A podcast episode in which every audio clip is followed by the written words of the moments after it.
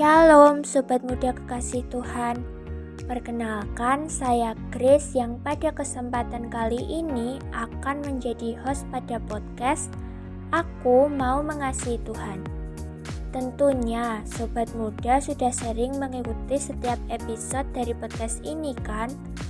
Podcast yang dibuat oleh Wonogiri Student Revival atau WSR ini mengajak sobat muda untuk belajar mengasihi Tuhan. Podcast ini akan rilis setiap hari Jumat jam 3 sore. Jadi, setialah mengikuti setiap episodenya ya.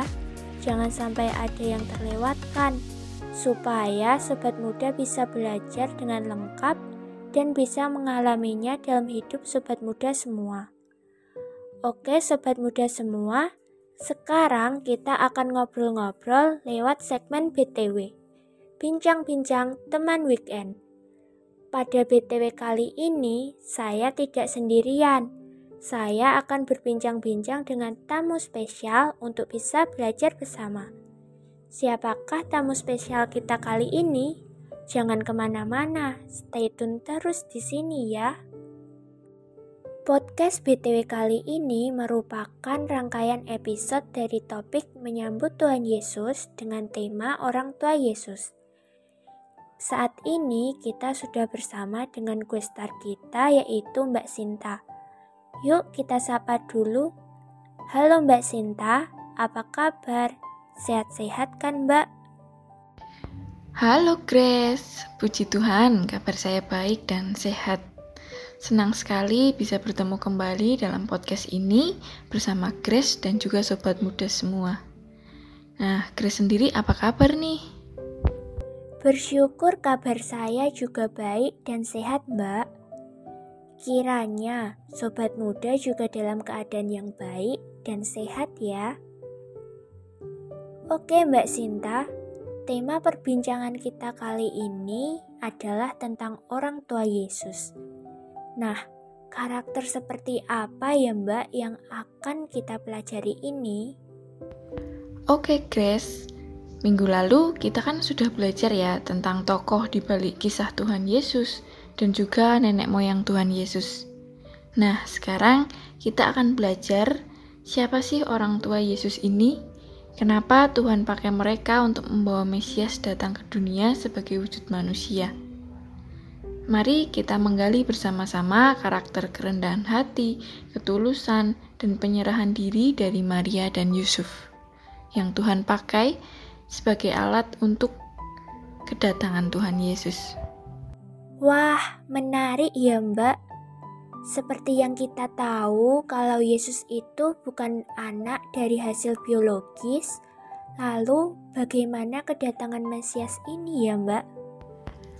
Kita tahu dari sejak dijanjikan sampai digenapi, kedatangan Mesias itu selalu melibatkan orang-orang yang dipakai Tuhan.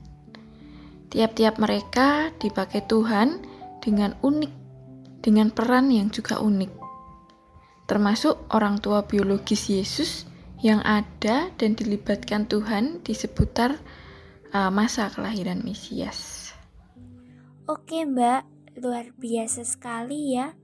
Tuhan sudah rencanakan itu semua.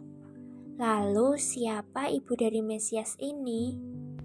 Baik, Nah, mari kita lihat dari ayat Lukas 1 ayat 26 sampai 38. Dalam bulan yang keenam, Allah menyuruh malaikat Gabriel pergi ke sebuah kota di Galilea bernama Nazaret kepada seorang perawan yang bertunangan dengan seorang bernama Yusuf dari keluarga Daud. Nama perawan itu Maria. Ketika malaikat itu masuk ke rumah Maria, ia berkata, "Salam, Hai engkau yang dikaruniai, Tuhan menyertai engkau. Maria terkejut mendengar perkataan itu, lalu bertanya di dalam hatinya, "Apakah arti salam itu?" Kata malaikat itu kepadanya, "Jangan takut, hai Maria, sebab engkau beroleh kasih karunia di hadapan Allah. Sesungguhnya engkau akan mengandung dan akan melahirkan seorang anak laki-laki, dan hendaklah engkau menamai dia Yesus. Ia akan menjadi besar dan akan disebut anak Allah yang maha tinggi. dan Tuhan Allah akan mengaruniakan kepadanya tahta Daud, bapa leluhurnya. Dan ia akan menjadi raja atas kaum keturunan Yakub sampai selama-lamanya dan kerajaannya tidak akan berkesudahan. Kata Maria kepada malaikat itu, Bagaimana hal ini mungkin terjadi? Karena aku belum bersuami. Jawab malaikat itu kepadanya, Roh Kudus akan turun atasmu dan kuasa Allah yang maha tinggi akan menaungi engkau. Sebab itu, anak yang akan kau lahirkan itu akan disebut kudus, anak Allah. Dan sesungguhnya Elizabeth, sanakmu itu, ia pun sedang mengandung seorang anak laki-laki pada hari tuanya. Dan inilah bulan yang keenam bagi dia yang disebut mandul itu. Sebab bagi Allah tidak ada yang mustahil. Kata Maria, sesungguhnya aku ini adalah hamba Tuhan. Jadilah padaku menurut perkataanmu itu. Lalu malaikat itu meninggalkan dia. Nah, uh, Maria ini adalah seorang gadis desa yang polos dijumpai malaikat Gabriel. Tentu perjumpaan itu mengejutkan bagi Maria. Terlebih sudah 400 tahun pada masa itu sama sekali tidak ada malaikat yang menampakkan diri. Nah, keterkejutan Maria ini ditambah lagi mengenai pesan malaikat Gabriel pada saat itu bahwa Maria akan mengandung seorang anak dari Roh Kudus. Hmm, sungguh, dari sejak awal penciptaan, belum pernah ada peristiwa yang mengherankan seperti ini. Tidak pernah ada seorang manusia perempuan yang mengandung dari Roh Kudus. Nah, musisat yang ada sampai pada masa itu seputar perempuan yang mandul di usia tua pun juga akhirnya mengandung. Seperti Sarah, Hana, atau juga saudara Maria, yaitu Elizabeth tadi. Nah, di dalam kesederhanaan Maria, dan tentu saja juga di dalam kebingungannya, Maria ini menyadari bahwa dirinya adalah seorang hamba, maka ia sepatutnya menyerah dan membiarkan semua yang dikatakan malaikat Gabriel itu terjadi menurut kehendak Tuhan. Uh, itu tadi merupakan sebuah keputusan dan sikap hati yang tidak mudah.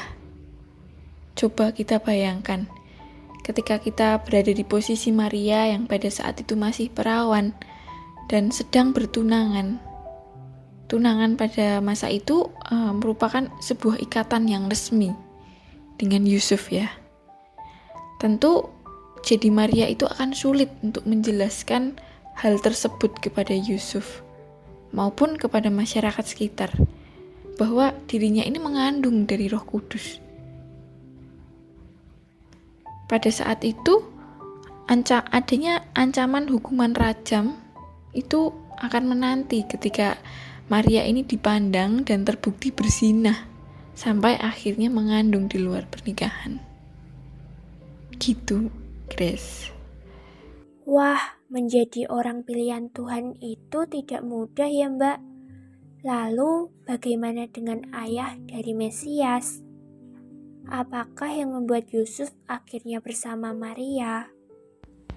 Untuk cerita Yusuf kita bisa membaca dari Matius 1 ayat 19 sampai 25. Karena Yusuf suaminya seorang yang tulus hati dan tidak mau mencemarkan nama istrinya di muka umum, ia bermaksud menceraikannya dengan diam-diam. Tetapi ketika ia mempertimbangkan maksud itu, malaikat Tuhan nampak kepadanya dalam mimpi dan berkata, "Yusuf, anak Daud, janganlah engkau takut mengambil Maria sebagai istrimu, sebab anak yang di dalam kandungannya adalah dari Roh Kudus. Ia akan melahirkan anak laki-laki, dan engkau akan menamakan dia Yesus, karena dialah yang akan menyelamatkan umatnya dari dosa mereka. Hal itu terjadi supaya genaplah yang difirmankan Tuhan oleh Nabi. Sesungguhnya, anak darah itu akan mengandung dan melahirkan seorang anak laki-laki, dan mereka akan menamakan dia Immanuel, yang berarti Allah menyertai kita. Sesudah bangun dari tidurnya, Yusuf berbuat seperti yang diperintahkan malaikat Tuhan itu kepadanya. Ia mengambil Maria sebagai istrinya tetapi tidak bersetubuh dengan dia sampai ia melahirkan anaknya laki-laki dan Yusuf menamai dia Yesus. Sebagai seorang pria yang sudah bertunangan seperti Yusuf, jika mengetahui tunangannya mengandung, maka Yusuf ini memiliki pandangan-pandangan mengenai kejadian itu kan.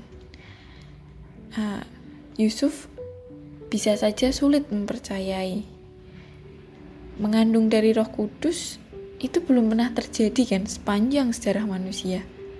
Lagi pula Yusuf tidak mendengarkan secara langsung kata-kata malaikat Gabriel saat menjumpai Maria.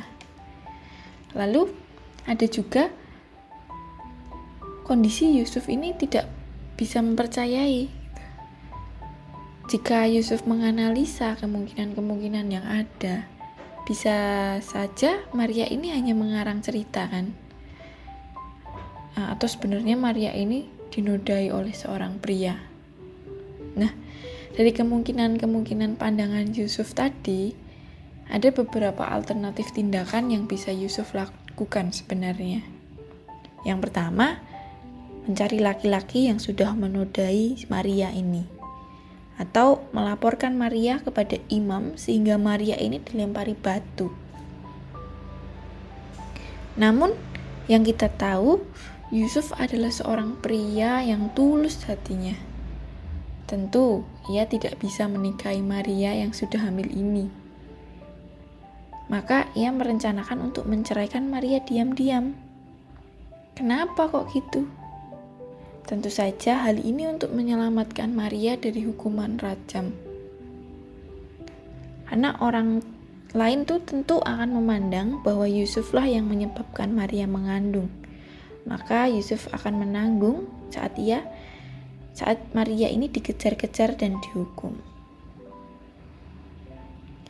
Di dalam ketulusan hati Yusuf ini, Tuhan melakukan tindakan intervensi di dalam mimpinya, Tuhan menyatakan agar Yusuf tidak ragu menikahi Maria. Sebab memang Maria ini mengandung bukan karena benih biologis seorang pria, melainkan dari Roh Kudus. Yusuf pun mengambil keputusan untuk mentaati Tuhan. Yang menarik lagi, Yusuf ini tidak dikuasai oleh nafsu. Sampai bayi Mesias itu lahir, ia tidak bersetubuh dengan Maria. Wah, sungguh luar biasa sekali Tuhan memilih dan memakai Maria dan Yusuf dalam kedatangan Mesias. Dari penjelasan Maria dan Yusuf dalam menyikapi perintah Allah, apa yang bisa kita pelajari dan teladani Mbak Sinta? Ya, Grace, benar.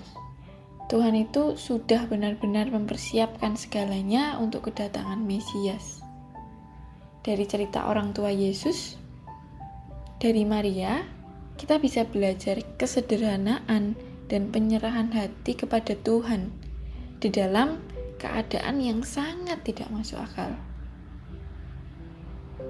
Dan dari Yusuf, kita juga dapat belajar bagaimana ketulusan hati dan ketundukan kepada pimpinan Tuhan. Begitu kira-kira Grace. Oke Mbak Sinta, terima kasih banyak untuk pelajaran yang dibagikan kali ini. Kiranya sobat muda semua terberkati melalui perbincangan kali ini. Tuhan Yesus memberkati Mbak Sinta. Sama-sama Grace. Tuhan Yesus memberkati Grace dan juga sobat muda semua ya.